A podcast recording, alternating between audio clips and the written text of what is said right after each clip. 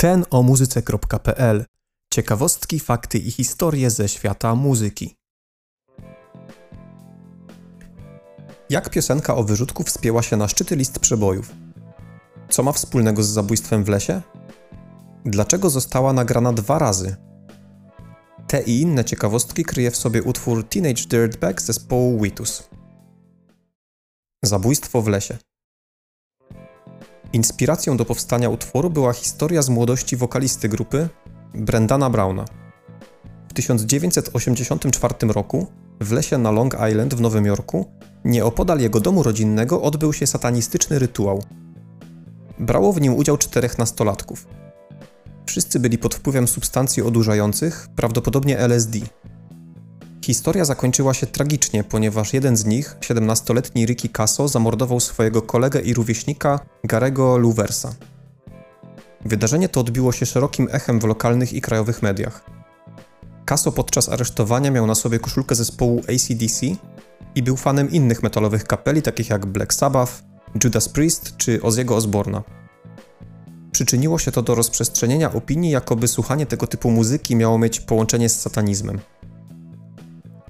W związku z tym wspomniany wokalista, wówczas dziesięciolatek, który również był fanem tego typu zespołów, m.in. właśnie ACDC, ale również Metaliki i Iron Maiden, chcąc nie chcąc musiał zmierzyć się z odrzuceniem i społecznym ostracyzmem spowodowanym stereotypowym myśleniem, ponieważ był brany za czciciela szatana.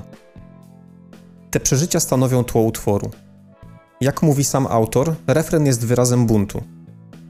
Kiedy śpiewam, że jestem tylko nastoletnim śmieciem, w rzeczywistości chcę wyrazić, że mam gdzieś to, że komuś się nie podoba fakt, że lubię ACDC i że to nie czyni mnie automatycznie czcicielem diabła, a ludzie to idioci.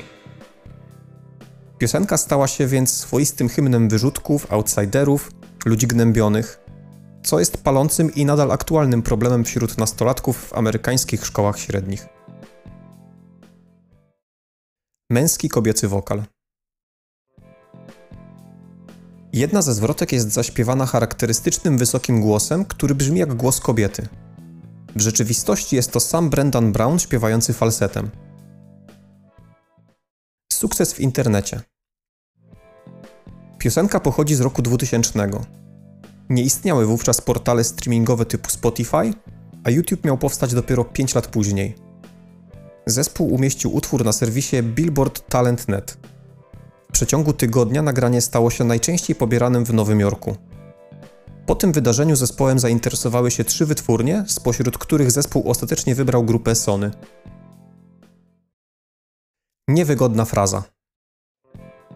Fragment He brings a gun to school, czyli przynosi spluwę do szkoły, był dla rozgłośni radiowych bardzo niewygodny, ponieważ rok wcześniej miała miejsce masakra w Columbine High School, podczas której dwaj nastoletni uczniowie zamordowali 12 uczniów i jednego nauczyciela, a ranili 24 inne osoby.